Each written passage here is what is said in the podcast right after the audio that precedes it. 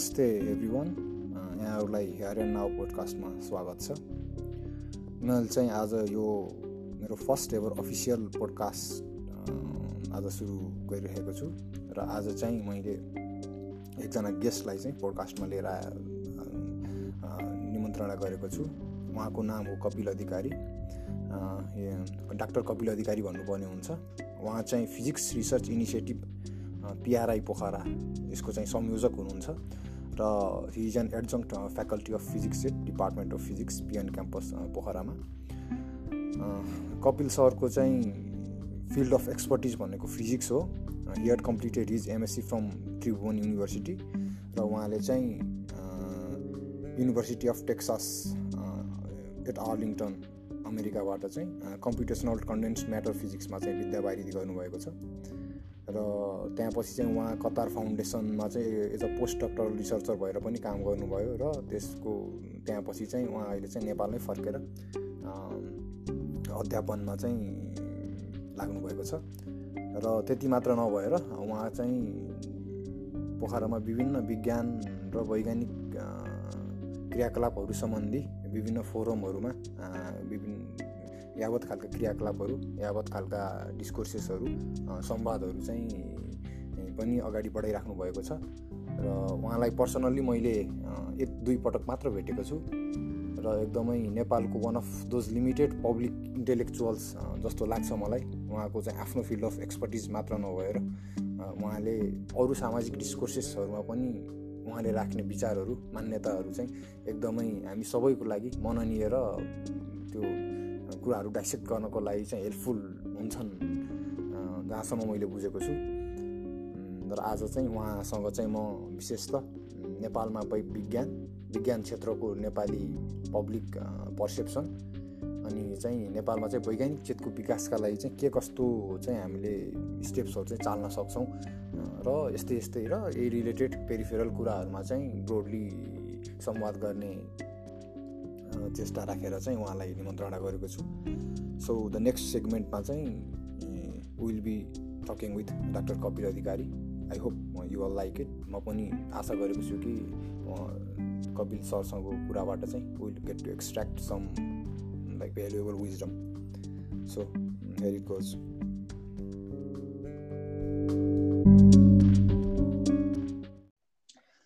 sir नमस्कार। यहाँलाई hair and now पोडकास्टमा स्वागत छ। सन्चै हुनुहुन्छ? के कसरी चल्दैछन् अहिले दिनहरू? ठिक छ। अहिले ठिक छ। नमस्कार सब सर्वप्रथम। र यो पोडकास्ट जुन तपाईँले सुरु गरिरहनु भएको छ त्यसको शुभकामना। अहिले यो कोभिडको सेकेन्ड वेभ एकदम जोडतोडका साथ बढिरहेको हुनाले अहिले त घरभित्रै छु। घरभित्रै पनि लगभग कोठाभित्रै छु म त अहिले लगभग। त्यही त महामारीको अवस्था छ। सरलाई अब चाहिँ म विषयतर्फ नै प्रवेश गराउन चाहेँ हुन्छ हस् हस्। अब हजुर आफै एउटा चाहिँ विज्ञानको विद्यार्थी होइन एउटा शोधकर्ता हुनुहुन्छ। विभिन्न बहुआयामिक अब अनुसन्धानदेखि डिस्कोसेसहरूमा पनि अब संलग्न हुनुहुन्छ। हजुरको यो वैज्ञानिक यात्राबारे थोरै चाहिँ छोटकरीमा हाम्रो अडियन्सहरूलाई थोरै बताइदिनुहोस् यो म अहिले के गर्दैछु त्यसपछि म अलिकति ब्याकमा जाउँला। मेरो अहिले भौतिक अनुसन्धानका लागि पहल भन्ने एउटा संस्था छ। म पढेर नेपाल फर्किसकेपछि सुरु गरेको। अहिले म त्यसमा संलग्न छु र त्यसमा तपाईँले भने जस्तै विभिन्न वैज्ञानिक र खास गरी कोर विज्ञान प्लस इन्टरडिसिप्लिनरी डायलगहरू हामी गर्दै आएका छौँ। र त्योभन्दा अगाडि म केही समय कतार फाउन्डेसनमा एज अ भिजिटिङ साइन्टिस्ट एक वर्ष काम गरेँ र त्योभन्दा अगाडि म युएसमा थिएँ। जहाँ मैले पिएचडी कम्पिटिसनल कन्डेन्स म्याटर फिजिक्समा सकेको हो। र त्यसपछि त्यहाँ लगभग तिन वर्ष जति मैले पोस्ट डक्टरल एक्सपिरियन्स लिएँ विभिन्न युनिभर्सिटीहरूमा। मेरो PhD university of Texas Arlington र त्यसपछि पोस्ट डक चाहिँ मैले मिसिकन टेक युनिभर्सिटी र युनिभर्सिटी अफ डेलावेयर मा मैले गरेको हो। र खासमा चाहिँ मलाई यो साइन्समा फिजिक्समा जुन मैले हेर्ने इलेक्ट्रोनिक स्ट्रक्चर क्यालकुलेसन छ त्यो त आफ्नो कोर हुँदै भयो। त्यो बाहेक मलाई चाहिँ खास गरी विज्ञानको यो दर्शन विज्ञानको दर्शनमा विशेष रुचि छ र मलाई चाहिँ आजकल चाहिँ यो कसरी विज्ञान पश्चिम जसलाई हामी पश्चिम भन्छौँ पश्चिममा किन विकास भयो र जसलाई हामी पूर्व भन्छौँ त्यसमा किन विकास हुन सकेन होला? यस्तै यस्तै कुरामा मेरो अलिकति बढी रुचि छ आजकल चाहिँ। हजुर हजुरको पुरानो अब अनुभवहरू कस्तो रह्यो अब त्यो छ अनि हजुर चाहिँ नेपाल अहिले फर्केर नेपालमै हुनुहुन्छ। नेपालमै विज्ञानको डिस्कसिसहरूमा संलग्न भएर पनि अब आफ्नो फिल्ड अफ एक्सपर्टिज त छँदैछ। त्यो बाहेक अब अरू कुराहरू पनि संलग्न हुनुहुन्छ। अब नेपाल फर्केर अब नेपालमै विज्ञान अध्यापनको अनुभव चाहिँ कस्तो पाउनु भएको छ होइन? अनि नेपालमा चाहिँ वैज्ञानिक क्षेत्रको त्यो एउटा हुन्छ नि अवस्था के कस्तो लाग्छ हजुरलाई? त्यो चाहिँ बताइदिनु। नेपालमा विज्ञान सुरु गरौँ विज्ञान अध्यापनको कुरा गर्दाखेरि सोच्नमा एकदमै कम जोड दिइन्छ हाम्रोमा। यो मैले अहिले अनुभव गरेको कुरा मात्र होइन। अहिले अनुभव गरेको पनि होइन मैले मात्र अनुभव गरेको पनि होइन। यहाँ चाहिँ विज्ञान सामान्यतया हामीले प्लस टू लेभलको विद्यार्थीहरूसँग तपाईँले सोध्नुभयो भने थाहा हुन्छ विज्ञान भनेको चाहिँ यो घोक्ने कुरा हो भन्ने एउटा सामान्य जो यो धारणा छ विज्ञानको बारेमा। त्यसकारण नेपालको सन्दर्भमा तपाईँले विज्ञान अध्यापन भनेर सोध्नुहुन्छ भने हामी विज्ञान पढाउँदैनौँ। हामी पढाउने भनेको शास्त्र पढाउने हो। जसरी जसरी गुरुकुलमा घोकाइन्थ्यो होला लगभग हामी लगभग हामी त्यही नै गर्छौँ। सोच्नमा नयाँ कुरा इनोभेट गर्नमा अथोरिटीलाई प्रश्न सोध्नमा जस्तो लेखिएको छ त्यस्तै कुरा चाहिँ नमान्नमा हाम्रो खासै जोड नेपालमा फर द्याट म्याटर सायद यो हाम्रो साउथ एसियन रिजनकै रोग हो कि त्यो। त्यो छ त्यस कारण हामीले चाहिँ विज्ञानको नाममा यो पुरानै पढाइराखेका हुन्छौँ जस्तो लाग्छ मलाई। र त्यसमा अलिअलि सायद अलिअलि भागीदार म पनि छु सायद अलिअलि भागीदार यो हाम्रो पुरानो सिस्टम पनि होला। यो भयो अध्यापनको कुरामा। र अध्यापनको कुरामा त्यो भनिसकेपछि तपाईँले आफै अनुमान गर्न सक्नुहुन्छ। अनुसन्धानको क्षेत्रमा पनि लगभग हाम्रो स्थिति हामी अहिले अझै पनि नेपालको विज्ञानको अनुसन्धान भनेको अझै पनि बामे सर्दैछ। र एकदम अलिअलि आशाका किरणहरू कहीँ कहीँ देखिन्छन् तर धेरै गर्नु छ। अहिले त्यति भनौँ धेरै निराशा भन्दा पनि अझै धेरै गर्नु छ। हजुर अब यो त अब एकदम सर्वविदितै जस्तो भयो हाम्रोमा विज्ञान चाहिँ अलिक उपेक्षितै छ होइन अलिक ध्यान चाहिँ पुर्या छैन। नर्मल अब एउटा पब्लिक स्पेयरको पर्सेप्सनदेखि लिएर त्यो केन्द्रमा नेतृत्व स्तरमै पनि विज्ञानलाई चाहिँ अलिक उपेक्षा नै गर्ने गरिएको छ। अनि यो के विज्ञान यसरी उपेक्षित हुनुमा त्यो हाम्रो अब स्कुल कलेजमा जुन एउटा न्यारेटिभ जस्तो छ नि अब के विज्ञान पढ्नलाई चाहिँ अथवा वैज्ञानिक हुनलाई कुनै खोज अनुसन्धान गर्नलाई एकदमै पढ्न जान्न त्यो एकदमै धेरै पढ्ने हुनु पढ्ने खालको एकदम पढन्ते त्यो फर्स्ट टपरै हुनपर्ने त्यस्तो त्यस्तो खालको के त्यस्तो हो र त्यस्तो भएर हो र? त्यस्तो त अवश्य होइन। तर त्यो त्योभन्दा पहिला तपाईँको प्रश्नको पहिलो पार्ट है विज्ञानलाई हाम्रो समाजले यो लार्जर स्केलमा हेर्दाखेरि कलेक्टिभ स्केलमा हेर्दाखेरि हाम्रो समाजले विज्ञानलाई अस्वीकार गर्ने चाहिँ होइन। तर विज्ञानलाई अस्वीकार गर्ने होइन विज्ञानलाई एकदम मजाले स्वीकार गर्छ र विज्ञानलाई हेर्ने दृष्टिकोण यसो सरसर्ती हेर्दा सकारात्मक जस्तो देखिन्छ। तर तर इन्स्ट्रुमेन्टल आस्पेक्ट इन्स्ट्रुमेन्टल आस्पेक्ट चाहिँ एकदम मजाले त्यसलाई एक्सेप्ट पनि गरिन्छ कुनै पनि चिज वैज्ञानिक हो भनेपछि त्यसलाई पत्याउने पनि गरिन्छ। यहाँसम्म कि तपाईँको चाहिँ चिना टिप्पण हात हेराउने यी कुराहरू पनि वैज्ञानिक सम्मत वैज्ञान सम्मत हो भनेपछि मान्छेले पत्याउने। यो चाहिँ छ। त्यस कारण विज्ञानलाई चाहिँ एक किसिमले त्यसको इन्स्ट्रुमेन्टल आस्पेक्टमा हाम्रोमा त्यस्तो प्रब्लम छैन। प्रब्लम हाम्रोमा के हो भने मेथोडोलोजिकल आस्पेक्टमा चाहिँ एकदमै ठुलो प्रब्लम छ। मेथोडोलोजिकल आस्पेक्ट चाहिँ लगभग शून्य प्राय छ। तर इन्स्ट्रुमेन्टल आस्पेक्टमा चाहिँ वी आर भेरी एक्सेप्टिङ कि यो यो साइन्टिफिक हो भनेपछि चाहिँ हामीले एक्सेप्ट गर्ने सजिलै एक्सेप्ट गर्ने। त्यो चाहिँ हाम्रो इन जेनेरलमा त्यस्तो देखिन्छ। त्यस कारण चाहिँ यो आत्मा बिनाको शरीरलाई चाहिँ हामीले राम्रैसँग स्वीकार गरे जस्तो देखिन्छ। हाम्रो समाजले विज्ञानको एउटा त्यो इन्स्ट्रुमेन्टल आस्पेक्ट भयो। भनेको इन्स्ट्रुमेन्टल आस्पेक्ट भनेको भाँडाकुँडा बनाउने अनि त्यसपछि यो चाहिँ मेन मेन गरी भाँडाकुँडा बनाउने है? चिज हो यो। यसले चाहिँ चाहिँ नयाँ नयाँ चमत्कारहरू गर्छ। त्यस कारण यो खतरै चिज हो। सारा संसार विज्ञानले चाहिँ डङ्का पिटिरहेको छ भनेर त्यसरी चाहिँ एक्सेप्ट गर्ने। तर चाहिँ होइन विज्ञान भनेको प्रश्न सोध्नु हो। विज्ञान भनेको यो शोध हो यसलाई चाहिँ यो आलोचनात्मक चेतबाट सुरु हुन्छ विज्ञान भन्ने कुरामा चाहिँ हाम्रोमा एक्सेप्टेन्स चाहिँ एकदमै कम छ। एउटा कुरा त्यो। र अर्को कुरा जुन पढ्न जान्ने भयो भने साइन्स पढ साइन्स पढ्ने पढ्न नजान्ने भयो भने भनेको पढ्न जान्ने नजान्ने त्यो सो त्यो कोट अनकोटमा राखौँ। त्यो चाहिँ अलिकति यो मलाई लाग्छ यो पुरानो सोच हो जस्तो लाग्छ त्यो जुन हामीले अहिलेसम्म सफा गर्न नसकेको। जस्तो एसइई पहिला एसएलसी भनिन्थ्यो अहिले एसइई भनिन्छ। त्यसमा राम्रो ग्रेड ल्यायो भने साइन्स पढ्न पाउने साइन्स पढ्ने। राम्रो ग्रेड ल्याएन भने ह्युमेनिटी सोसियल साइन्स अथवा म्यानेजमेन्ट पढ्ने जुन यो मानसिकता भनेको एकदम पुरानो मानसिकता हो। यसलाई जित्न सकिएको छैन यसलाई जित्न जरुरी छ।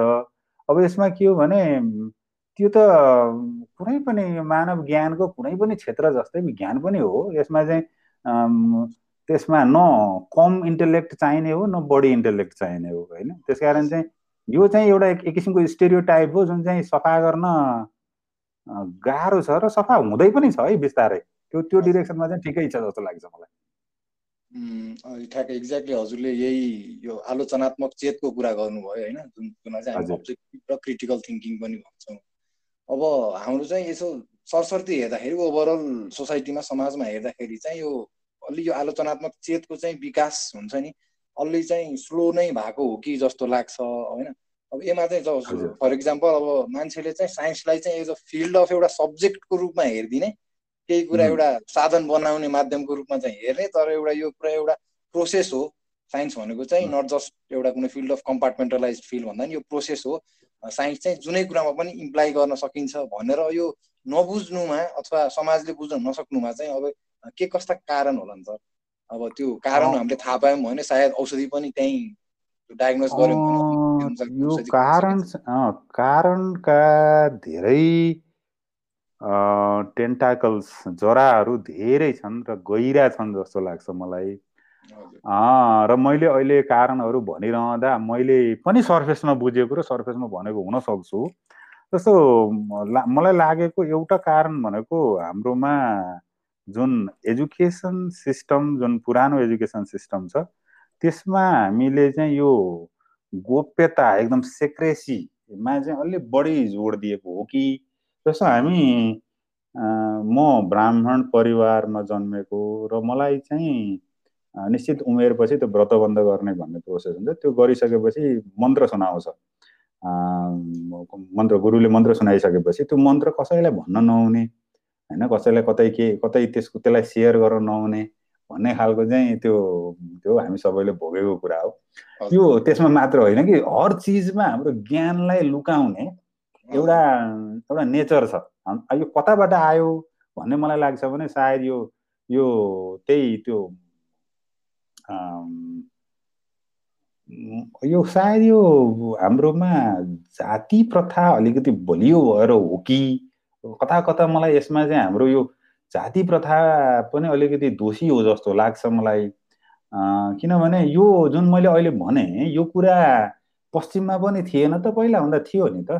थियो तर पश्चिम र पूर्वको फरक के भइदियो जस्तो लाग्छ मलाई भने पूर्व भन्दा नि हाम्रो खास गरी साउथ एसियन रिजनमा यो कास्ट सिस्टम चाहिँ अलि अलिक धेरै नै बलियो भएको हुनाले त्यसले चाहिँ यो यो यो आलोचनात्मक चेतलाई अलिकति रोकेको हो कि जस्तो मलाई लाग्छ। अनि अर्को कुरा चाहिँ यो शास्त्र प्रमाण चाहिँ अलिक एकदमै चाहिँ हाम्रोमा एकदम गढेको छ क्या जस्तो सामान्य बोलीचालीमा भनिन्छ नि यस्तो गर्न अब यस कुनै एउटा कुनै एउटा मतलब सामान्य कुराकानीमा कुनै एउटा घटनालाई लिएर अथवा कुनै एउटा विचारलाई लिएर यस्तो गर्न हुन्छ तर यस्तो गर्न हुन्न भनेर कहाँ लेखाएको छ? भनेर भनिन्छ नि त कहाँ लेखाएको छ भन्ने जुन एउटा फ्रेज छ नि त्यो कहाँ लेखाएको छ भन् अँ कहाँ लेखाएको छ भन्ने फ्रेज नै त्यो त्यसको ओरिजिन नै के हो भने त्यसले भन्न खोजेको के हो भने लेखा भए त ठिक रहेछ त्यसो भए। लेख्दैमा ठिक हुँदैन भन्ने कुरा त हामीलाई सिकाएको रहन्छ कि त?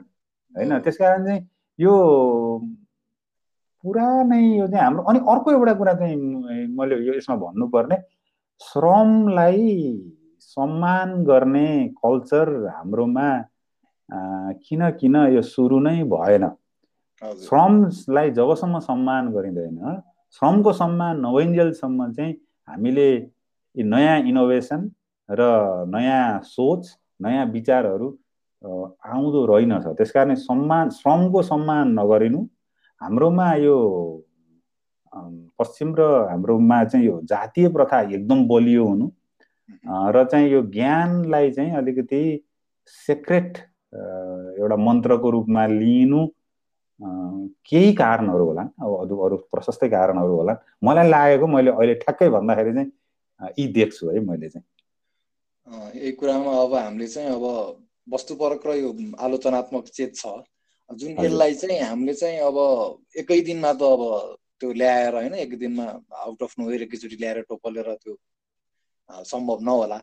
तर यो चाहिँ बिस्तारै क्रमिक विकास गर्नु हामीलाई छ र यो गर्नको लागि चाहिँ हामीले अब के कस्तो कुराहरूमा चाहिँ अब ध्यान दिनुपर्ने यसमा सर्वप्रथम यो कुरा के भने जस्तो हाम्रोमा आलोचनात्मक चेतका भ्रूणहरू हुँदै नभएका चाहिँ होइन रहेछ। जस्तो मलाई अत्यन्त प्रिय लाग्ने बुद्ध लिटरेचर यो बौद्ध साहित्यमा एउटा सूत्र छ सुत्त भनिन्छ। यो कलाम सुत्त जसमा चाहिँ यो आलोचनात्मक चेतको एकदम चाहिँ जोरदार आलोचनात्मक चेतको पक्षमा कुरा गरिएको छ। कि कुनै पनि चिजलाई चाहिँ कसैले भनेको भनेर नमान्नु कसैले कतै लेखेको छ भनेर नमान्नु आफ्नो साथीले छ भनेको छ भन्दैमा नमान्नु आफूले मान्नुपर्ने व्यक्तिले भनेको हो भन्दैमा नमान्नु भनेर विभिन्न एउटा चाहिँ एउटा लिस्टै छ त्यो कलाम सुत्त हेर्नुभयो भने थाहा हुन्छ। त्यस कारण हामीमा आलोचनात्मक चेत हाम्रो क्षेत्रमा हाम्रो देशमा हुँदै नभएको हो त भन्दाखेरि होइन। हामी सुन्छौँ विभिन्न शास्त्रार्थका कुराहरू सुन्छौँ। त्यसकारण यो हुँदै नभएको चाहिँ होइन। तर यो आधुनिक अर्थमा यो मोडर्न सेन्समा चाहिँ हाम्रोमा क्रिटिकल थिङ्किङ चाहिँ हुँदै भएन। लगभग है किन देखिने गरी हुँदै भएन। त्यसकारण चाहिँ अब यसलाई प्रमोट गर्नको लागि क्रिटिकल थिङ्किङलाई प्रमोट गर्नको लागि मलाई लाग्छ हामीले सबभन्दा पहिला जोड दिनुपर्ने भनेको यो हामीले कसरी एउटा बच्चाको क्रिटिकल थिङ्किङलाई कसरी प्रोत्साहन गर्दै जाने? त्यो सबभन्दा ठुलो कुरा हो। हामीले चाहिँ यो विद्यालय स्तरमा सानो सानो चाहिँ जो जब बच्चाहरूको चाहिँ यो इन्क्युजिटिभ जुन ती प्रश्नहरू हुन्छन् ती प्रश्नहरूलाई प्रोत्साहन गर्दै जाने खालको हामीले त्यस्तो व्यवस्था बनाउन सक्यौँ भने र अथोरिटीलाई प्रश्न सोध्नलाई हामीले छुट दियौँ बच्चाहरूलाई है? भने सायद हामी केही गर्न सक्छौँ कि? र मलाई लाग्छ हामीले गर्नुपर्ने भनेको बच्चाहरूको इन्क्युजिटिभनेसलाई चाहिँ प्रोत्साहन दिने काम हामीले गऱ्यौँ भने हामीले नयाँ जेनेरेसन त्यस्तो उत्पादन गर्न सकौँला र मलाई त के लाग्छ भने हामी जन्मदाखेरि चाहिँ सबै साइन्टिस्टै भएर जन्मिन्छौँ। वैज्ञानिक चेत नै लिएर जन्मिन्छौँ आलोचनात्मक चेत नै लिएर जन्मिन्छौँ। तर हामीलाई सिकाउँदा हाम्रो सिकाइको प्रक्रियामा त्यो मर्दै मर्दै मर्दै मर्दै जान्छ। त्यसकारण हामीलाई के गर्नु जरुरी छ भने we need to go back to our childhood again त्यस कारण सबैलाई हामीले सबै हामी बच्चा बन्न जरुरी छ जस्तो लाग्छ मलाई। तर अब एगेन अब यो प्रोसेस चाहिँ एकदम स्लो हो तपाईँले भनेको एकदम सही हो। तर यो प्रोसेस एक जेनेरेसनमा एक दुई जेनेरेसनमा चेन्ज गर्ने तरिका भनेको के हो के लाग्छ भने फेरि पनि we have to focus on our primary education त्यहाँनिर एकदमै इन्ट्रेस्टिङ कुरा चाहिँ गर्नुभयो होइन। कसरी अब बच्चाहरूमा चाहिँ यो प्रश्न सोध्ने बानीको विकास अथवा हुन्छ नि। कसरी क्लासरुममा चाहिँ कुनै पनि बच्चाले आफूले नआएको कुरा अथवा लागेको कुरा बच्चालाई त एकदम क्युरियोसिटी त्यो भइरहेको हुन्छ तर सायद हाम्रो सिस्टमले होइन समाजले नै होइन प्रश्न किन बच्चा भएर किन जान्ने हुनु पर्यो? भन्ने खालको त्यो खालको परिपाटी निर्माण गरिदिएको भएर अनि त्यो बच्चाको चाहिँ एउटा त्यो क्यु क्युरियस त्यो हुन्छ नि क्युरियोसिटीको लेभल नै अनि जति बच्चा हुर्किँदै गयो उति नै अब उसको त दिमाग एक्सपान्ड हुनुपर्ने उति नै अब त्यो हुर्किँदै गएपछि होइन म चाहिँ कन्फर्मै गर्नतिर बढी हामीले लगाइदियो जस्तो देखियो है भनेपछि। हजुर हो एकदम। त्यसको लागि चाहिँ हामीले त्यो बच्चाहरूलाई नै कसरी अझै प्रश्न गर्न सक्ने चाहिँ क्षमता उनीहरूको चाहिँ कसरी बढाउन सकिन्छतिर सोच्न पर्ने भयो। हजुर। अनि अब त्यहाँबाट फेरि थोरै म अर्को टेन्जेन्सियल टपिकमा जान जान चाहेँ। अब जसरी अहिले हामीले कोरोना महामारीको अवस्था छ होइन? अहिले त अब एकतर्फ विज्ञानले अब भ्याक्सिन होइनदेखि लगायत अब औषधिहरू पुरा आइरहेको छ एकतर्फ विज्ञानको एकतर्फ छ। अर्कोतिर चाहिँ अहिले मिसइन्फर्मेसन यो हेर्दाखेरि झट्ट वैज्ञानिक वैज्ञानिक लाग्ने तर हुन्छ नि अब नेपालमै सब दुई चार महिना अगाडि हाम्रै प्रधानमन्त्रीले पनि बेसार पानीको कुरा ल्याइदिनु भयो। अब त्यहीँबाट गुर्जो सुर्जो खाएर सन्चो हुन्छ भनेर भनेपछि आएर गुर्जोले कतिको लिभर ड्यामेज गरेर मान्छेहरू फेरि हस्पिटलाइज हुन पुग्यो होइन। अब यो कुरा चाहिँ यो साइन्स विज्ञान र छन्द विज्ञान जुन चाहिँ सिउडो साइन्स भनिन्छ छद्म विज्ञान सायद सायद यो बिचको त भिन्नता चाहिँ के रहेछ? सर यसलाई छुट्याउने कसरी रहेछ कि? झट्ट एउटा ले मान्छेले अब तपाईँ हामी साइन्सको स्टुडेन्टहरूले त अलिअलि त्यो क्रिटिकल थिङ्किङ क्यापेसिटी डेभलप गरि गरिन्छ होला। तर एउटा नर्मल एउटा मान्छेले चाहिँ त्यो हुन्छ नि के कुरा राइट के कुरा साइन्टिफिक छ के कुरालाई चाहिँ त्यो के कुरा चाहिँ होइन त्यो चाहिँ साइन्टिफिक छैन भनेर छुट्याउनु त्यो आधारहरू के के हुँदो रहेछन् सर? अनि कसरी छुट्याउन सकिएला त्यो? ओहो यो त यो यो एकदमै ठुलो प्रश्न र एकदम गाह्रो प्रश्न र यो डिमार्केसनको प्रब्लम भनेको एकदमै लामो प्रब्लम पनि हो यो अब यसलाई चाहिँ यो हो होइन भन्ने कुरो कसरी थाहा पाउने भन्दा एउटा इन्ट्रेस्टिङ छ कि यो एकजना युएसको कुनै एउटा जजले आफ्नो त्यो के भन्छ फैसला सुनाउँदा भनेको एउटा फ्रेज छ एकदम famous. You know it I know it when I see it मलाई त्यो देखेपछि थाहा हुन्छ भन्ने। एउटा त एउटा त्यो हो। अब तपाईँले मलाई सोध्नुहुन्छ भने चाहिँ I know it when I see it हो। तर अब त्यो त्यो भनेको त त्यो झन् एब्सट्राक्ट भयो होइन? तर के भने नि अब जस्तो छद्म विज्ञानलाई सामान्यतया तपाईँले मलाई सोध्नुभयो भने मैले कसरी कसरी छुट्याउन सक्छु त भन्दा दुई तिनवटा दुई तिनवटा छ क्या मैले हेर्ने चाहिँ। एउटा एउटा भनेको कुनै मानक यो जर्नलमा कुनै एउटा स्ट्यान्डर्ड मानिएको पियर रिभ्युड जर्नलमा त्यो अनुसन्धानलाई साबित गर्नको लागि पहिला कुनै पनि त्यो त्यो निष्कर्ष त्यहाँ जान्छ कि पपुलर म्यागजिनमा जान्छ पहिला। न्युज आर्टिकलको रूपमा आउँछ अथवा सोसियल मिडियामा आउँछ। पहिलो मानक चाहिँ मलाई त्यो लाग्छ कि यो यो यो पब्लिस भएको कहाँ हो? सबभन्दा पहिला यो कसरी आयो यो? एउटा कुरा चाहिँ त्यो लाग्छ अनि अर्को कुरा एउटा एकदम इन्ट्रेस्टिङ छ। त्यो इन्ट्रेस्टिङ कुरा के भने सुडो साइन्स जसले सुडो साइन्टिफिक कुराहरू गर्छ र त्यो सुडो साइन्टिफिक थ्योरीहरू दिन्छ उसले चाहिँ सधैँ यो अहिलेको व्यवस्था सधैँ हाम्रो विरुद्ध लागिरहेको छ। होइन? भने यो यो यो जुन छद्म विज्ञान प्र्याक्टिस गर्नेहरू यी छद्म वैज्ञानिकहरूको चाहिँ सधैँ यो दाबी हुन्छ कि वर्तमान व्यवस्था उनीहरूको अनुसन्धानलाई दबाइरहेको छ। एक्ज्याक्टली एक्ज्याक्टली एउटा त्यो हुन्छ होइन? अर्को चाहिँ यो उनीहरूको चाहिँ जुन निष्कर्षहरू छन् त्यो निष्कर्षहरू चाहिँ यो साङ्ख्यिकीमा आउँदैन कि नम्बरमा आउँदैन कहिले पनि डाटामा आउँदैन। त्यो चाहिँ कहानीको रूपमा आउँछ टेस्टिमोनियलको रूपमा आउँछ। र टेस्टिमोनियलको रूपमा आयो भने कथाको रूपमा आयो भने मलाई डाउट लाग्छ र म त्यसलाई अझ फर्दर हेर्नुपर्छ जस्तो मलाई लाग्छ। अनि अर्को चाहिँ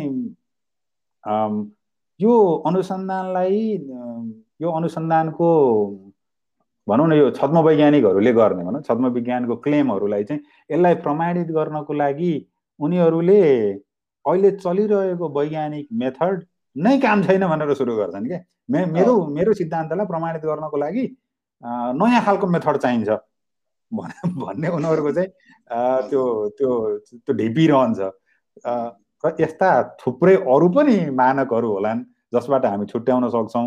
तर मेरो मैले सामान्य रुल अफ थम भन्छ नि मैले सामान्यतया मैले आफूले छुट्याउँदाखेरि चाहिँ यिनै दुई तिनवटा कुराले चाहिँ छुट्याउने गर्छु। यो सत्म विज्ञान र विज्ञानलाई। त्यो चाहिँ हाम्रो सिउडो साइन्सको कुरा भयो होइन सर। अब कस्तो भन्दा मेरो एउटा आफ्नै पर्सनल एक्सपिरियन्स एनेक्डोट पनि छ। यसमा चाहिँ म पोहोर सालकै कुरा हो सायद कोरोना महामारी पछिकै कुरा हो। त्यसमा चाहिँ त्यति बेला चाहिँ के भएको थियो भन्दा मैले म आफै चाहिँ मेरो एमएससी थेसिस चाहिँ भ्याक्सिन भ्याक्सिन सरी भाइरोलोजीमा गरिरहेको थिएँ मैले। अनि नेपालमा झप्प न्युज आयो कि के आयो भन्दा नेपालमै कोरोनाको खोप बन्यो अरे भनेर एउटा न्युज आयो। मलाई बड बडो इन्ट्रेस्टिङ लाग्यो आफ्नो पनि फिल्ड अफ इन्ट्रेस्ट त्यही भएको कारणले अब मैले हेरेँ न्युज हेरेँ। त्योसँग रिलेटेड अरू टन्नै अब त्यो एकदम सोसियल मिडियामा भाइरलै भएर हाम्रो जहाँ कि अब रवि जामी जाने त्यत्रो पपुलर जर्नलिस्ट उहाँले पनि ल्याएर फिचर गरिसक्नु भएको रहेछ। अनि उहाँ हाम्रो हेटौँडाको एकजना प्रोफेसर सरले चाहिँ अनि विभिन्न वनस्पतिहरूको चाहिँ एक्सट्र्याक्ट बनाएर अनि त्यसलाई चाहिँ यो भ्याक्सिन हो भन्ने क्लेम गरे जस्तो देखेँ मैले होइन? अनि मैले चाहिँ अब त्यो क्लेम गरिसकेपछि मलाई चाहिँ कता कता अप्ठ्यारो लाग्यो क्या अब त्यो होइ किन हो मैले त अहिलेसम्म साइन्सको विद्यार्थी भएका नाताले चाहिँ पढिरहेको कुरा त्यो सिद्धान्त अनुसार त्यो त पुरै फरक छ। भ्याक्सिनले त काम गर्ने तरिका छुट्टै छ भ्याक्सिन बन्ने प्रक्रिया छुट्टै छ दुई तिन वर्ष कति वर्षको एनिमल मोडल सुरुमा इनभिट्रो ल्याबमा टेस्टिङ गरेपछि त्यहाँपछि एनिमल मोडलमा टेस्ट गरेपछि त्यहाँपछि मान्छेमा clinical phase one two three trial हुँदै अनुमोदन भएपछि बल्ल भ्याक्सिन बन्छ। अनि मलाई चाहिँ त्यो लागेर मैले एउटा आर्टिकल लेखेँ सर होइन पब्लिस गर्ने त्यो पार्टीमा। अनि त्यहाँपछि चाहिँ एकदम ठुलो ब्याकल्यास आयो क्या मलाई। कस्तो भन्दा नेपाली भएर त भर्खर आजको भुरो भएर यत्रो प्रोफेसर कुरा काट्ने। तैँले चाहिँ अब नेपाली भएर नेपालीको अरूले गरेको राम्रो काम प्रगति देख्न सक्दैनस् भनेर अनि त्यो आयो अनि त्यति बेला मलाई के लाग्यो भने चाहिँ हाम्रो हामीमा चाहिँ एउटा यो कन्फर्मेसन बायस अथवा जो कल्चरल बायसनेस भनौँ सांस्कृतिक पूर्वाग्रहहरू यस्तोले चाहिँ एकदमै बढी रोल खेल्दो रहेछ। अनि यस्तोले पनि के अब यस्तो यसमा यसमा मैले तपाईँलाई विजयमा रोकेँ। यस्तो के भने नि यो मैले तपाईँको आर्टिकल हेरेँ होइन? र त्यो चाहिँ तपाईँको आर्टिकल हेरिसकेपछि मैले आफूले पनि सोसियल मिडियामा केही मलाई लागेको कुरा मतलब मैले त्यस्तो अनुसन्धान गरेर भन्दा पनि मलाई चाहिँ यो यसमा चाहिँ म यसलाई त सकारात्मक रूपमा भन्दा पनि यो आलोचना आलोचनात्मक रूपमा हेर्नुपर्छ है भनेर चाहिँ मैले लेखेँ साथीहरूसँग नि कुरा भयो है। तर अब त्यही एगेन तपाईँले त तपाईँले जति ब्याकल्यास त सायद मैले मैले मैले मैले लेखेको नि होइन त्यस कारण मैले पाउने त कुरो भएन। तर तर हामी जस्ताहरूले चाहिँ यो ब्याकल्यास त्यो भोगिरहनुपर्छ। त्यो दुईवटा कुरा छ सर। यसमा यसमा दुईवटा कुरा छ। एउटा कुरा चाहिँ हामी as a as a collective है हामीलाई चाहिँ एउटा हामी भन्नाले यो कलेक्टिभ उसमा कुरा गर्दा हामी एउटा कलेक्टिभ इन्फेरिटी कम्प्लेक्समा बाँचिरहेका छौँ। हाम्रो हामीलाई पुराणहरूमा हामीलाई इतिहासहरूमा ठुला ठुला गौरव गाथाहरू सुनाइएको छ।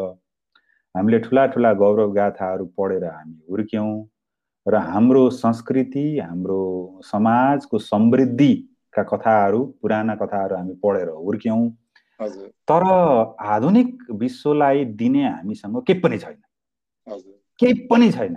त्यो नभएपछि हामीमा एउटा कता कता एउटा कलेक्टिभ इन्फेरिटी कम्प्लेक्स चाहिँ जन्मने नै भयो।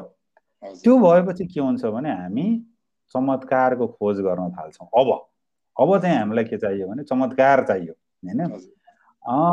चमत्कारको खोजी नै हो यो। तपाईँले चाहिँ कुनै पनि एउटा चमत्कारी कुरा गर्नुभयो भने त्यो विज्ञानमा हुन पनि सक्छ अन्त हुन पनि सक्छ। त्यस कारण चाहिँ जस्तो तपाईँले देखिरहनु भएको छ नि अहिले गिनिज बुक अफ वर्ल्ड रेकर्डमा सायद पर क्यापिटा इन्ट्री नेपालको वान अफ द बेस्टै होला क्या।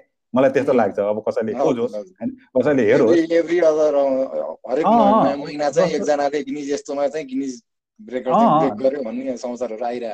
जस्तो एउटा औँलामा एउटा किताबलाई घुमाउने सबभन्दा लामो समयसम्म घुमाएर वर्ल्ड रेकर्ड राख्यो नेपालीले पनि गर्न सक्छ यार। नेपालीलाई पनि चान्स पायो भने गर्न सक्छ। ए बाबा त्यो गरेर के भयो के? के पनि हुँदैन होइन? संसारको संसारको सबभन्दा ठुलो शिवलिङ्ग नेपालमा छ बनायौँ भनेर कसले बनाउँछ शिवलिङ्ग संसारमा सबभन्दा ठुलो होइन? अब त्यो त्यो के भन्यो भने हामीलाई चाहिँ यो जब जब हामी यो इन्फेरिटी कम्प्लेक्सले गाँजिन्छौँ नि त्यो इन्फेरिटी कम्प्लेक्सले गाँजियो भने तपाईँले यसो हेर्नुहोस् भजनमा भजन लाग्ने मान्छेलाई हेर्नुहोस् भजन लाग्ने मान्छे हुन्छ नि तपाईँलाई थाहा छ होला गाउँघरतिर भजन लाग्ने त्यो भजन लाग्ने मान्छेको जिन्दगीमा यसो निहालेर हेर्नुहोस् ऊ अरू बेलामा ऊ इन्फेरि इन्फेरिटी कम्प्लेनले माथिरहेको हुन्छ त्यस कारण उसलाई भजन लाग्ने हो क्या त्यस कारण त्यो हामी चाहिँ त्यो एकदम युफोरियामा आउने साना साना चमत्कारहरूले युफोरियामा आउने कारण भनेको के हो भने यो हामीसँग यो चाहिँ यो विज्ञानको क्षेत्रमा आधुनिक विश्वलाई हामीले दिने योगदानको क्षेत्रमा चाहिँ हाम्रो हामीसँग दिने कुरा देखिने कुरा दिने कुरा हाम्रो केही नभएको हुनाले अनि यस्ता यस्ता सानातिना कुराले पनि हामी हौसिन्छौँ। अनि हामी हौसिएर चाहिँ अनि ओहो हामी पनि गर्न सक्छौँ। यस अफकोर्स हामी पनि गर्न सक्छौँ। त्यो त त्यो त कुनै डाउट छैन। तर हामी पनि गर्न सक्छौँ भनेर चमत्कारको पछाडि दौडियो भने चाहिँ हुने यस्तै हो। अनि अर्को कुरा वैज्ञानिक साक्षरताको एकदमै अभाव चरम अभाव छ। वैज्ञानिक साक्षरता भनेको जसलाई अलिकति एबिसी थाहा छ भ्याक्सिनको बारेमा त्यो भ्याक्सिनको बारेमा एबिसी थाहा भएको मान्छेले त्यो खबर पत्याउँथेन। त्यसलाई अलिकति अलिकति मतलब अब त्यो समाचारलाई सकारात्मक रूपमै लिए पनि त्यसलाई अलिकति पिन्च अफ साल्टले हेर्ने भन्छ नि। त्यो त्यो त्यसरी हेर्थ्यो। यदि उसलाई एबिसी थाहा थियो भने। त्यसरी हामीलाई त वैज्ञानिक साक्षरताको अभाव एकातिर वैज्ञानिक साक्षरताको चरम अभाव अर्कोतिर एकदम चरम निराशा कलेक्टिभली भन्दैछु। कलेक्टिभ निराशा त्यो भयो भने हामी चमत्कारको पछाडि जान्छौँ। चमत्कारको पछाडि लाग्यो भने विज्ञान छुट्छ किनभने विज्ञान र चमत्कार सँगसँगै हुन सक्दैन। वैज्ञानिक चमत्कार भनेको एउटा अक्सिमोरन हो। त्यस कारण यो मलाई लाग्छ दुईवटा कुरा। एउटा चाहिँ हामी कलेक्टिभ इन्फेरिटी कम्प्लेक्सबाट गुज्रिरहेका छौँ र चमत्कारको पछाडि दौडन्छौँ। अर्को कुरा हामीसँग वैज्ञानिक साक्षरताको चाहिँ चरम अभाव छ। त्यस कारण त्यस कारण चाहिँ तपाईँले भोगेको ब्याकल्यास हामीले भोग्ने ब्याकल्यास चाहिँ त्यसैको कारण भनेपछि एज अ समाज चाहिँ एज अ सोसाइटी हामी चाहिँ कलेक्टिभली जुन कुरा चाहिँ हामीले गर्न सकिरहेको छौँ त्यसको चाहिँ प्रोक्सी खोजिरहेछौँ हामीले भन्नु एक्ज्याक्टली एक्ज्याक्टली एक्ज्याक्टली नत्र नत्र भनौँ न जस्तो यो त यो त मतलब सयौँ उदाहरण देख्न सकिन्छ कि संसारको सबभन्दा ठुलो झन्डा बनाइयो मान्छे जम्मा गरेर। वाट डज द्याट मिन के अर्थ छ होइन संसारको सबभन्दा ठुलो त्रिशुल नेपालमा छ सो वाट होइन यस्तै यस्तै होइन अनि अब व्यक्तिगत लेभलमा पनि एउटा औँलाले एउटा एउटा औँलाले हिर्काएर कति छिटो अन्डा फोर्न सक्ने त्यसमा नेपालीको रेकर्ड छ जस्तो लाग्छ मलाई अब अब त्यस्तोमा रेकर्ड राखेर के गर्ने हो तर तर हामीलाई अलि धेरै चमत्कारी मान्छे चाहिएको छ चमत्कारी घटनाहरू चाहिएको छ होइन? त्यस कारण हामी प्रोसेसमा भन्दा पनि यो चमत्कारमा अलिकति। हजुर। अब यो त यस्तै यस्तै यस्तै कुरा चमत्कारतर्फ चाहिँ आकर्षित नहुनको लागि अथवा हुन्छ नि एज अ सोसाइटीलाई नै समाजलाई नै होल मास मास अफ त्यो पपुलेसनलाई नै त्यो अब्जेक्टिभली सोचाउनको लागि अब राष्ट्र अथवा त्यो संरचनात्मक रूपमा चाहिँ के कस्ता चाहिँ परिवर्तनहरू चाहिँ आवश्यक होला जस्तो लाग्छ हजुरलाई संरचनात्मक कुरामा चाहिँ मलाई लाग्छ हाम्रो यो शिक्षा पद्धतिलाई सबभन्दा पहिला परिवर्तन गर्न जरुरी छ। शिक्षामा सबभन्दा ठुलो क्रान्तिको जरुरी छ।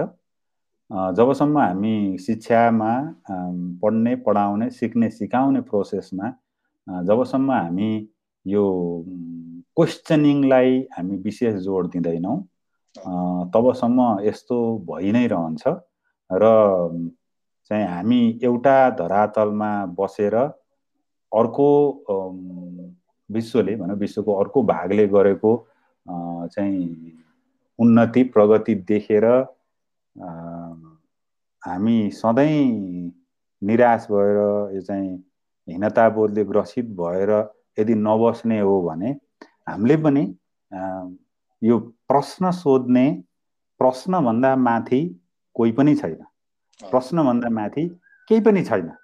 भन्ने कुरालाई हामीले एगेन म फेरि पछाडिकै कुरामा गएँ कि यो विद्यालयदेखि नै बच्चा यो सानो बच्चादेखि नै हामीले चाहिँ यो आलोचनात्मक चेतलाई जति सकिन्छ बढी प्रश्रय दिने खालको एजुकेसन सिस्टम ल्याउनु जरुरी छ। र अनि अर्को कुरा चाहिँ अब तपाईँ अलि हायर लेभलमा हायर स्टडीको कुरा गर्नुहुन्छ भने यो एकाडेमिक अटोनोमी अत्यन्त जरुरी कुरा हो। एकाडेमिक अटोनोमी जबसम्म छैन तबसम्म फेरि त्यो भजनकै कुरा हुन्छ फेरि हनुमान चालिसाकै कुरा हुन्छ। र जस जसले सबभन्दा राम्रोसँग हनुमान चालिसालाई चाहिँ वाचन गर्न सक्यो। ऊ सबभन्दा ठुलो एकाडेमिक बन्ने हाम्रोमा पद्धति जुन छ त्यो भनेको यो अटोनोमी नभएर हो। त्यसकारण हायर एजुकेसनमा कुरा गर्नुहुन्छ भने हामीलाई अटोनोमी चाहिन्छ एकाडेमिक फ्रिडम। र हामी प्राइमेरी एजुकेसनमा जाने भने त प्राइमेरी एजुकेसनमा प्रश्न सोध्ने कुरालाई चाहिँ हामीले केन्द्रमा राख्नुपर्छ। र केन्द्रमा त्यसलाई राखियो भने जस्तो म एउटा उदाहरण भन्छु मेरो घरमा मेरो मेरो छोरा छ ऊ अहिले कक्षा चारमा पढ्छ र उसको उसले भर्खर स्कुल जाँदाखेरि उसले यति धेरै प्रश्न सोध्थ्यो यति धेरै प्रश्नहरू थिए जसको धेरै जसो उत्तर मैले पनि दिन सक्थेन मैले भने हामी दिन सक्थेनौँ। तर उसको प्रश्न सोध्ने एक कक्षामा अलिक कम भयो दुई कक्षामा कम भयो तिन कक्षामा कम भयो चार कक्षामा अलिक कम भयो। त्यस कारण प्रश्न उसले सोध्न कम कम कम कम गर्दै जान्छ र अब एसई जसलाई भन्छौँ हामी एसईसम्म जाँदाखेरि त उसले प्रश्न सोध्दै सोध्दैन होइन? अब त्यसपछि यो हामी एघार बाह्र क्लासमा हाई स्कुलमा जाँदाखेरि त त्यो प्रश्न सोध्ने जुन एउटा त्यो नैसर्गिक एउटा गुण थियो त्यो गुण कता हराउँछ कता हराउँछ? त्यस कारण चाहिँ यो स्ट्रक्चरल लेभलमा हामीले गर्नुपर्ने भनेको ध्यान दिनुपर्ने एगेन स्कुल एजुकेसनमै हो। र हायर एजुकेसनमा कुरा गर्दा त अटोनोमी एकदम इम्पोर्टेन्ट कुरा हो। हामीले सरले एकदम महत्त्वपूर्ण कुरा गर्नुभयो फेरि कमिङ ब्याक टु त्यही अब स्टुडेन्टहरूलाई चाहिँ एकदमै क्वेसनिङ त्यो इन्भाइरोमेन्ट चाहिँ उनीहरूको प्रश्न चाहिँ एकदम इन्टरटेन गर्ने खालको इन्भाइरोमेन्ट चाहिँ क्रिएट गर्नै पर्ने थियो होइन? अनि त्यो त्यो छँदैछ। अब चाहिँ अब अबको नयाँ जेनेरेसनहरूलाई चाहिँ जसले चाहिँ होइन म म पनि ल क्वेसनिङ गर्छु मेरो क्वेसनिङ क्यापेसिटी चाहिँ इन्क्रिज गर्छु मेरो आफ्नो र म चाहिँ कुनै साइन्स होस् ह्युमेनिटी सोसियल साइन्स कुनै पनि क्षेत्रमा म चाहिँ शोध अनुसन्धान गर्छु अनुसन्धानमा लाग्छु भनेर जुन सपना देख्ने नयाँ पुस्ताहरू छन् उनीहरूलाई चाहिँ हजुरले सरस्वती आफ्नो अनुभवहरूको आधारमा चाहिँ सल्लाह सुझावहरू दिँदाखेरि चाहिँ कस्तो कस्तो which steps can they take to हुन्छ नि? त्यो त्यसमा चाहिँ जस्तो हामीले इन्टरभिन गर्नुपर्ने स्कुल एजुकेसनमा प्रश्न सोध्न प्रोत्साहित गर्नुपर्ने त्यो एउटा इमिडिएट इन्टरभेन्सन हो जस्तो लाग्छ गर्नुपर्छ। अब मैले खास गरी म जोसँग जो जुन स्टुडेन्टहरूसँग म धेरै अन्तर्क्रिया गर्छु उहाँहरूलाई चाहिँ मेरो सजेसन के हुन्छ भन्दा दुईवटा कुरा हुन्छ। एउटा विज्ञानमा विज्ञानमा मात्र होइन त्यो सबै कुरामा होला। एउटा फिलिङ हुन्छ अर्को क्राफ्ट हुन्छ। जस्तो फिलिङ चाहिँ विज्ञान गर्छु म अनुसन्धान गर्छु भन्ने कुराको फिलिङ चाहिँ एकदमै एकदमै राम्रो छ। कतिपय मैले मैले भेटेका मैले अन्तर्क्रिया गर्ने नयाँ विद्यार्थी साथीहरूसँग म त्यो चाहिँ एकदमै देख्छु कि हामी पनि केही गर्न सक्छौँ हामी गर्ने हो भनेर लागेको कोसिस गरेको म देख्छु। तर त्यसमा एउटा पार्ट चाहिँ मिसिङ भइरहेको देख्छु त्यो क्राफ्ट। त्यो क्राफ्ट चाहिँ हामीसँग कता कता छैन। त्यो जस्तो उदाहरणको लागि ठ्याक्कै भन्नुपर्दाखेरि चाहिँ जस्तो तपाईँ एउटा ब्याचलर पढ्ने ब्याचलरमा साइन्स पढ्ने एउटा विद्यार्थीसँग अन्तर्क्रिया गफ गाफ गर्नुभयो भने उसले ब्ल्याक होलदेखि लिएर यम थ्योरीदेखि लिएर त्यसपछि चाहिँ आइन्स्टाइनका थ्योरी के के भनौँ न ठुला ठुला कुराहरू चाहिँ मजाले चाहिँ कुरा गर्न सक्छ क्या है? डार्क म्याटरको बारेमा डार्क एनर्जीको बारेमा।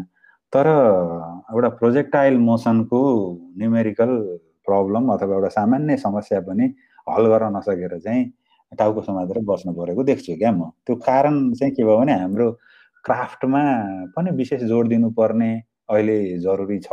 त्यसकारण यो फिल पहिला त फिल नै ल्याउने हो। फिल ल्याउने भनेको हामीले चाहिँ यही यही के भन्छ एउटा एउटा यो कल्चरल कुरा भयो है फिल ल्याउने। र हामी चाहिँ यो एउटा सिस्टम यो विज्ञान भनेको एउटा प्रक्रिया हो। यो चाहिँ कुनै पनि चिजलाई हेर्ने एउटा दृष्टिकोण हो। भन्ने कुराको फिलिङ ल्याउनु एउटा जरुरी छ र जोसँग त्यो फिल आएको छ उसलाई हामीले क्राफ्ट दिन जरुरी छ। त्यसकारण मैले मैले स्टुडेन्टलाई दिने सजेसन भनेको you have the feeling if you have the feeling then please develop your craft craft develop गर ताकि चाहिँ जस्तो तपाईँले अघि भर्खर भन्नु भने साइन्स र सुडो साइन्स कसरी चिन्ने? यसमा क्राफ्ट चाहियो यसलाई होइन? र त्यसै गरी चाहिँ एउटा एउटा अनुसन्धान आयो ल साइन्टिफिक भनिएकै पेपरमा पियर रिभ्युड भनिएकै पेपरमा एउटा अनुसन्धान छापियो र त्यो अनुसन्धानलाई चाहिँ कसरी पढ्ने कसरी हेर्ने त्यसलाई कसरी बुझ्ने त्यसको लागि त क्राफ्टै चाहिन्छ क्या। त्यसलाई त सिक्नै पर्छ। ग्याप्स अफ नलेज आइडेन्टिफाई गर्नु पनि त्यो एउटा त्यस कारण त्यो क्राफ्ट चाहिँ अलिक मिसिङ जस्तो लाग्छ मलाई हाम्रो हायर एजुकेसनमा। सानोमा त एगेन म फेरि पनि भन्छु यो जोड म त्यो अब यो भनेर पनि म थाक्दिनँ होइन? प्रश्नलाई प्रोत्साहन गरौँ अथोरिटीलाई प्रश्न सोध्न नरोकौँ। प्रश्नभन्दा माथि कोही छैन प्रश्नभन्दा माथि केही छैन। यसलाई इस्टाब्लिस गरिदिउँ न। हजुर। त्यो हो। म चाहिँ यो यो भनेर त म कहिले पनि थाक्दिनँ। यो भनेको भने गर्नुपर्ने चिज छ। त्यो एकदम जरुरी पनि छ। ल सर हामी चाहिँ अब पुरा हजुरहरूको इन्साइटहरू लिन पाइयो। र अन्तिमतिर अब हामी आइसक्यौँ होइन। लगभग मैले तयार गरेको प्रश्नहरू लगभग मोटामोटी रूपमा यिनै यिनै थिए।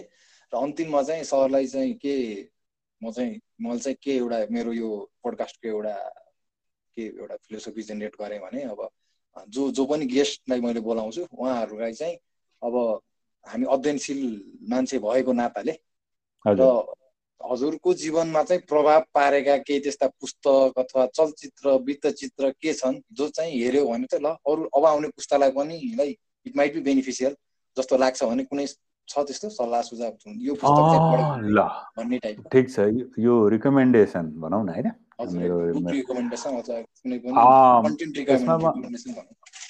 यसमा म केही भन्छु है त।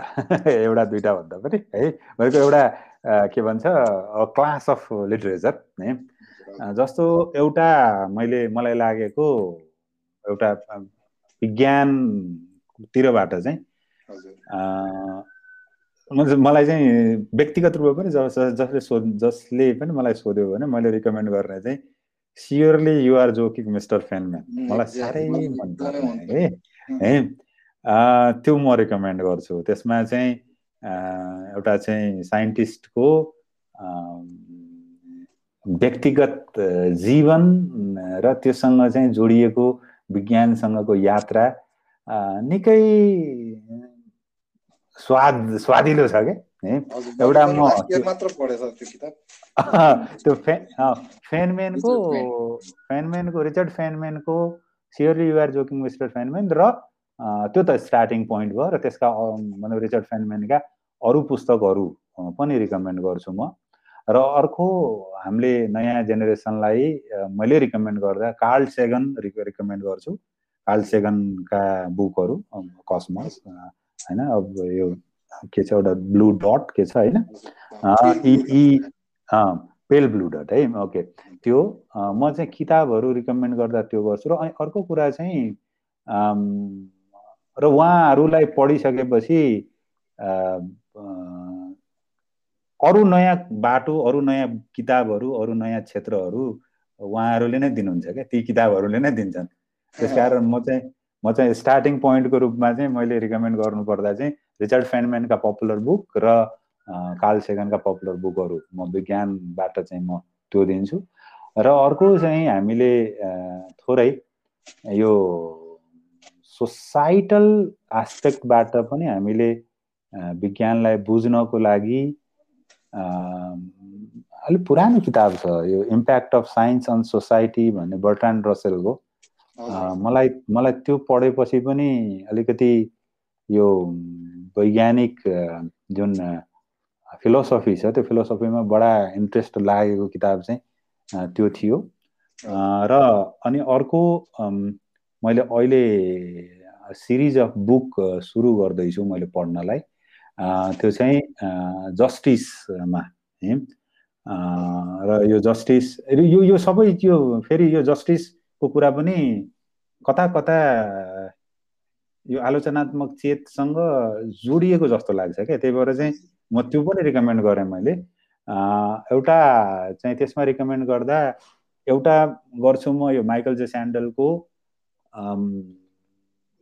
justice what is the right thing to do र उसको भर्खरै निस्केको अर्को किताब छ द टिरानी अफ मेरिट त्यो दुईवटा किताब। र रल्सको चाहिँ थ्योरी अफ जस्टिस र त्यो पढिसकेपछि जाँगर लाग्यो भने अमर्त्य सेनको आइडिया अफ जस्टिस यो अहिले मैले यो किताबको एस्पेक्टमा चाहिँ त्यो रिकमेन्ड गरेँ। र डकुमेन्ट्रीमा चाहिँ एकदम फ्यान्टास्टिक भनेको त कसमस हो है। यो कसमस हेर्न कसैले पनि नछुटायो भने जस्तो लाग्छ मलाई। पुरानो पनि काल काल सेगनको कसमस पनि र त्यस पछाडि नयाँ भन्दा नि अझ पुरानो नै बढी त्यो तेमा चाहिँ टेमिनल लाग्छ अलि त्यो थट एक्सपेरिमेन्टहरू उसले जसरी त्यो एक्ज्याक्टली एक्ज्याक्टली काल सेगनको कसमस र त्यसपछि नेल डेग्रास टाइसनको पनि कसमस। नयाँले चाहिँ मलाई त्यति यो के अरे पोसिबल वर्ल्ड कि के भन्ने छ नि नयाँ कसमस पोसिबल वर्ल्ड कि त्यसले चाहिँ मलाई त्यति धेरै चाहिँ त्यो लागेन। त्योभन्दा अगाडिको कसमस चाहिँ मलाई त्यो इन्ट्रेस्टिङ लागेको थियो। र अनि अर्को कुरा चाहिँ यो खोज्नुहोस् है त्यसको नाम मैले बिर्सेँ। पी साइनाथको एउटा छ नि। पी साइनाथको एउटा निरो एकछिन है। Niroj guest Niroj guest. है? निरोज गेस्ट भन्ने एउटा डकुमेन्ट्री छ। त्यो चाहिँ म एकदमै स्ट्रङली रेकमेन्ड गर्छु। यो चाहिँ खास गरी यो जस्टिसको आँखाबाट भनौँ जस्टिसको लागि होइन? र यो जुन कमन गुड होइन? यिनीहरूलाई हेर्नको लागि चाहिँ हामीलाई यो र अहिलेको हाम्रो वर्तमान विश्व व्यवस्थाको बारेमा अलिकति थोरै भए पनि बुझ्न चाहिँ यो निरोज गेस्टले हेल्प गराएको थियो मलाई। मलाई एकदम चाहिँ हल्लाउने भन्छ नि हल्लाएको चाहिँ निरोज गेस्ट र र मुभी फिचर फिल्म एउटा थियो अलिकति पुरानो एगोरा हो जस्तो लाग्छ मलाई। एगोरा हो? आई फर्गट है त्यो नेम एउटा साइन्टिस्ट एगोरा नै हो जस्तो लाग्छ नि एउटा फिमेल साइन्टिस्ट हुनुहुन्थ्यो। मैले त्यसको नाम बिर्सेँ मैले है एगोरा जस्तो लाग्छ। मैले यिनै रिकमेन्ड गरेँ। मैले चाहिँ यी चिजहरू पढ पढ्दा हेर्दा चाहिँ मैले इन्जोय मात्र होइन। अनि अर्को अर्को चाहिँ जस्तो हाम्रो हाम्रै सब कन्टिनेन्टको एक दुईवटा म रिकमेन्ड गर्छु। हाम्रो सब कन्टिनेन्टको चाहिँ नरेन्द्र दावलकर को लिट्रेचर नरेन्द्र दावलकर नरेन्द्र दावलकरको छ के भन्छ केही किताबहरू छन्। अन्धविश्वास उन्मूलन के भन्ने किताब छ एउटा सिरिज छ दुई तिनवटा किताब छ। त्यो म रिकमेन्ड गर्छु हाम्रो हाम्रो रिजनमा भन्दा। र हाम्रो रिजनमा हाम्रो रिजनलाई बुझ्नको लागि र हाम्रो रिजनमा विज्ञान किन फस्टाएन भन्ने बुझ्नको लागि त्यति धेरै लिट्रेचर म आफैले पनि धेरै पढेको छैन। तर खोजी खोजी अम्बेडकरका किताबहरू पढ्नुपर्छ जस्तो लाग्छ है मलाई। हजुर व्यवस्थादेखि एकदम एकदम. कस्तो भयो भने नि हाम्रो चाहिँ कस्तो सबभन्दा धेरै विज्ञान जसले गर्छ सबभन्दा धेरै विज्ञानमा जो लागेको छ प्रविधिमा जो लागेको छ त्यसैलाई उत्पीडित पनि भयो होइन? अनि त्यसपछि उसलाई शिक्षाबाट वञ्चित गरियो क्या होइन? जसले सबभन्दा धेरै काम गर्छ उसले शिक्षा शिक्षाबाट वञ्चित भयो भने जस्तो एउटा जस्तो भनौँ न एउटा चाहिँ कामी आरन भन्छ नि हामी गाउँतिर होइन?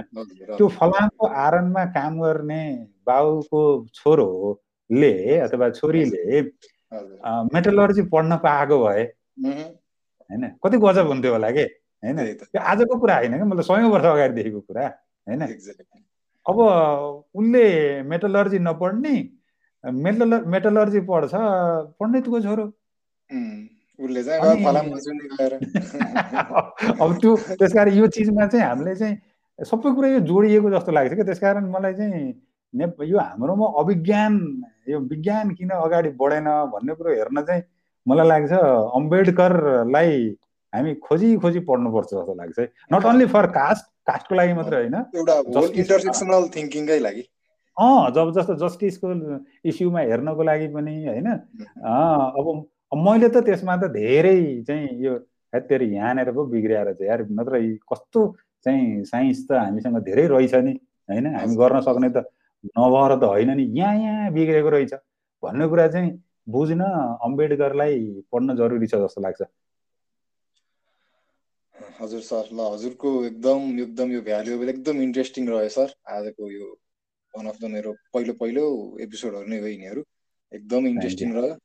सरको चाहिँ अनुभवहरूदेखि सरको इन्साइटहरू चाहिँ सुन्न पाइयो। सायद मेरो अडियन्सलाई नै मनपर्छ होला। र सरलाई चाहिँ एकदमै हृदयदेखि नै म एकदमै धन्यवाद टक्राउन चाहेँ सरलाई। Thank you thank you so much यो चाहिँ यो मेरो मेरो रुचिको विषय होइन? मा मैले अब केही कुरा सेयर गर्न पाएँ। त्यसको लागि म हार्दिक हार्दिक धन्यवाद दिन्छु। हस् सर। यति भन्दै आजको चाहिँ फर्स्ट एपिसोड चाहिँ ऱ्याप अप गरौँ हस्। हस् ल So that wraps up uh, the first official episode of Hair and Now podcast. Uh, I hope you all enjoyed it. मैले चाहिँ धेरै नै कुराहरू रमाइलो भएको कुराकानी धेरै नै कुराहरू सिक्ने मौका पाएँ। र जहाँसम्म मलाई लाग्छ कपिल सरले भनेको कुराहरू चाहिँ सबैको लागि नै उपयोगी छन्। आउँदा दिनहरूमा पनि I try and bring in interesting guests as far as I can so this wraps of the first episode thank you all for listening and like bearing with me for all this time